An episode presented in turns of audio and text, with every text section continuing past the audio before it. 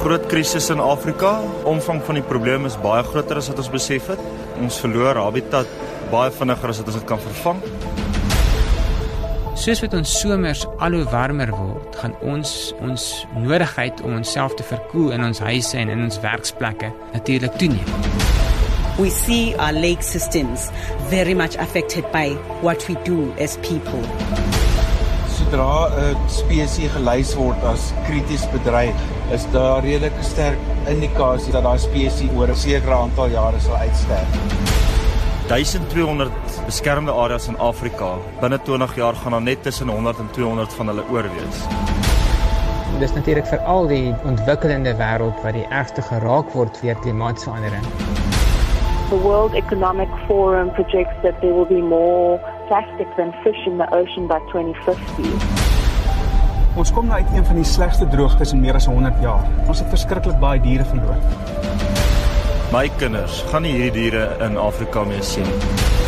Worst day on earth is surely going to be better than the best day on Mars. So we need to take care of this place. There's no other option.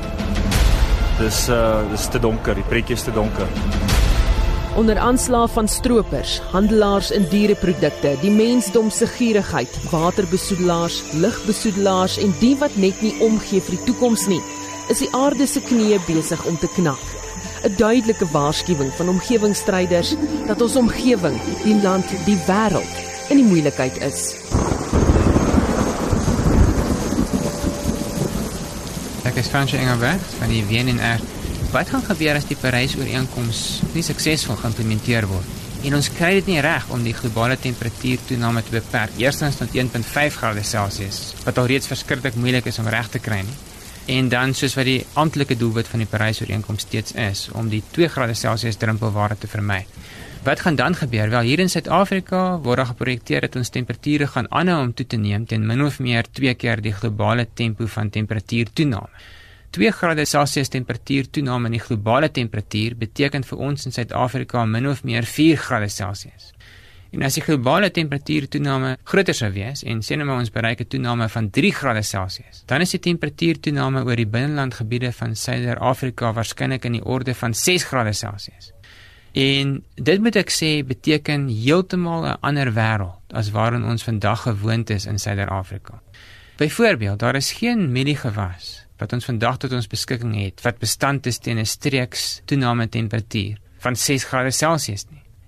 Ons stapelvoedsel hier in Suider-Afrika gaan na alle waarskynlikheid nie meer mielies wees teen die einde van die eeu nie. Ons vleisbeesbedryf word ook direk geraak Daar is natuurlik ook direkte impakte van groot hittegolwe op ons gesondheid as mens. En groot hittegolwe kan natuurlik ook baie baie grootskaalse sterftes veroorsaak.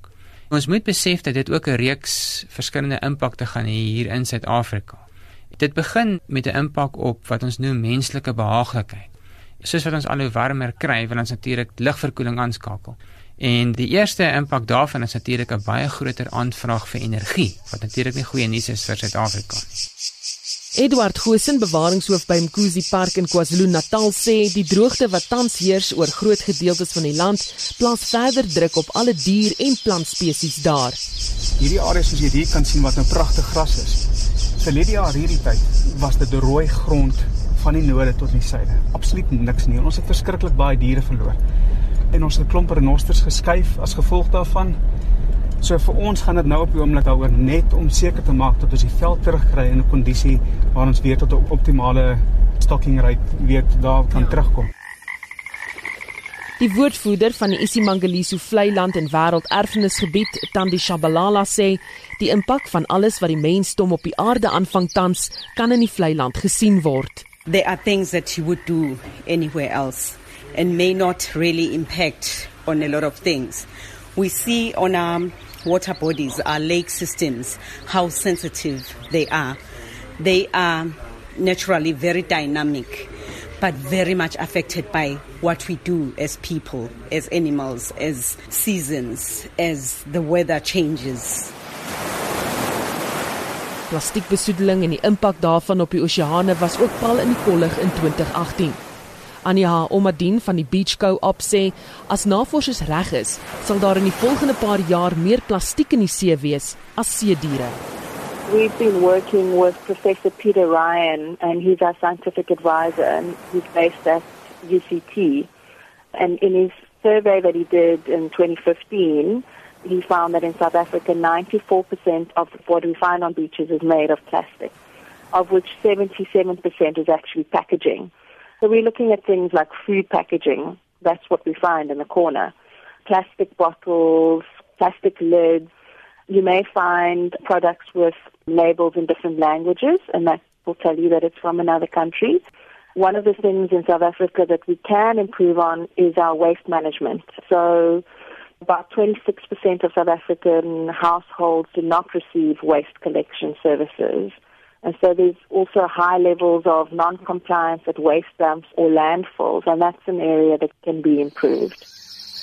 Terwyl die noordelike wit renoster voor die oë van die wêreld uitgesterf het nadat Sudan die laaste manlike dier van die spesies in Maart uitgesit het, veg veldwagters in Suid-Afrika moedig voort teen stropery in al die parke in die land.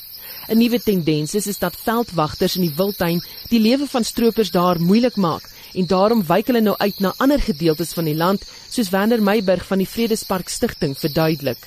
Hierdie sentrum wat die Vredespark Stichting saam met die Amerikaanse regering nou op die been gebring het, is eintlik die sentrum wat seker maak dat hierdie verskillende parke wat deur die provinsie gesprei is, dat hulle die reaksie op stroopry, die intelligensie komponent rondom stroopry, die gebruik van tegnologie, alles op een sentrale punt bymekaar gemaak word sodat dit bietjie meer gestruktureerd plaasvind en dan ook bietjie meer gestruktureerd plaasvind met kom ons sê die Kreewiltuin. Meiberg sê hulle het uit hulle eie foute geleer en hoop om binnekort 'n afname in stropery in KwaZulu-Natal te sien. Ons behoort seker binne die volgende 12 tot 18 maande dieselfde te sien gebeur.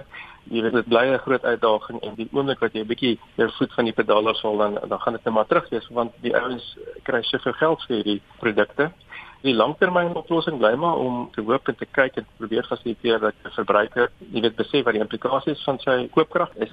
Die hoof van bewaring by die Mkuzi Park in KwaZulu-Natal, Edward Gosen sê die stryd raak egter al veller. Dit is 'n eindelose stryd en dit breek 'n mens hart en dis hoekom ons doen wat ons doen. Ons probeer dit so goed as moontlik bestuur.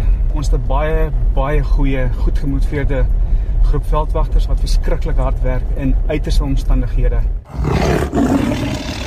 Intussen was daar 'n groot oproer in omgewingsbewaringskringe nadat China aangekondig het dat die handel in tierbene en renosterhoring hervat sal word. Emie Lourens van Volpos wou weet waar die produkte vandaan sou kom. CITES regulasies sê ook dat die intensiewe teeling van hierdie diere onwettig is. Jy mag nie 'n dier in die wild skiet nie. So dit laat groot vrae ontstaan in terme van waar hierdie diere gekry gaan word die internasionale druk wat op die land geplaas gaan word is groot want sonder dit sal daar waarskynlik nie verandering kom nie en CITES het nie die mag om hierdie besluit om te keer nie. Japan het ook onlangs aangekondig dat hulle gaan voortgaan met die jag van walvisse. Die land het aangekondig dat hulle van die internasionale walvisvangskommissie sal onttrek en die walvisvangste sal weer in Junie 2019 begin.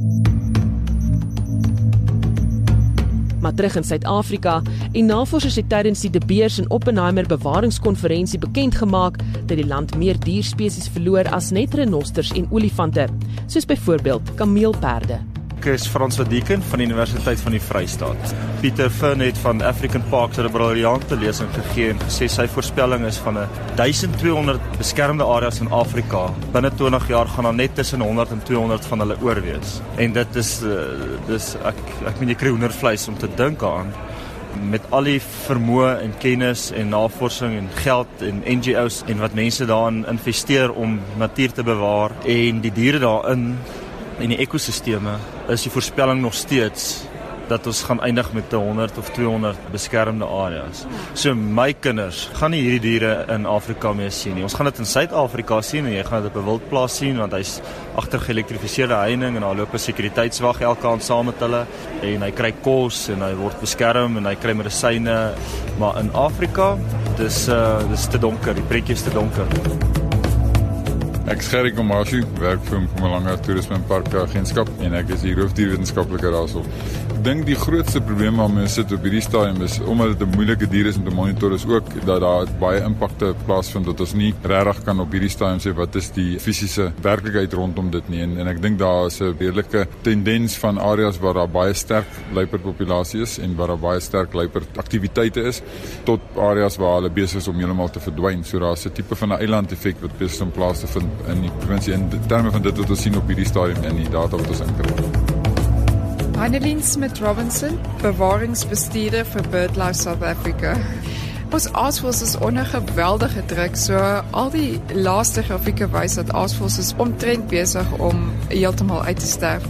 En daar's soveel verskillende bedreigings vir aasvoëls, onder andere elektriese infrastruktuur, veral ook dan gif wat uitgesit word, gif deur fisies die poaching wat ons ken um, op olifante en leeu's, maar ook gif wat net sekondêr aan aasvoëls uitgesit word. So byvoorbeeld as 'n boer 'n probleem op 'n plaas het en word uitgesit vir 'n jakkals, dan kan aasvoëls ook daai gif in die hande kry. So daar's ongelooflik baie probleme en wat ons probeer doen is om net vir aasvoëls 'n veilige area te skep.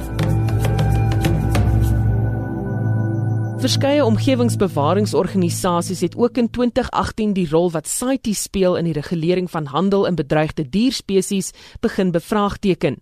Michelle Pickover van die EMF stigting sê hulle dink Suid-Afrika moet hom onttrek van die organisasie omdat hy nie ons bedreigde dierspesies se beste belange op die hart dra nie. We believe that there needs to be a completely different treaty that takes into account issues around trade, destinations, welfare, and just general protection, ethics, and just taking into consideration that these are not just tires that we're talking about, these are living beings.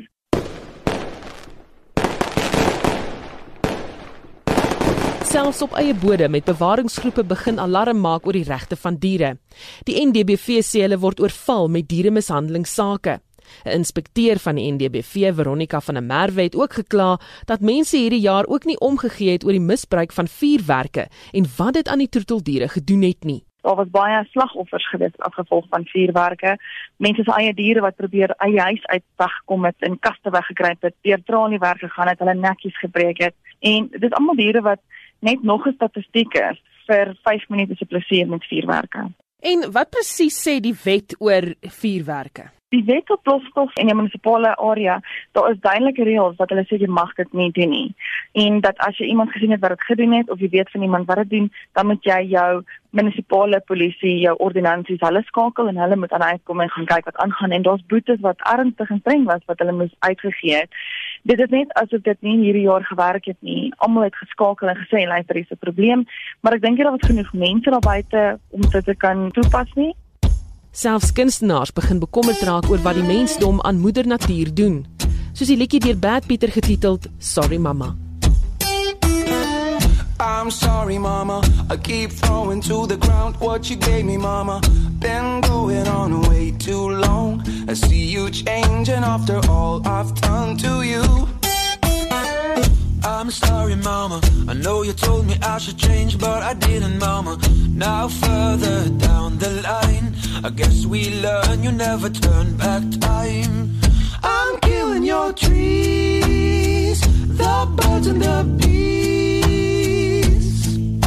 I'm sorry, mama. I'm your fatal disease. You're begging me,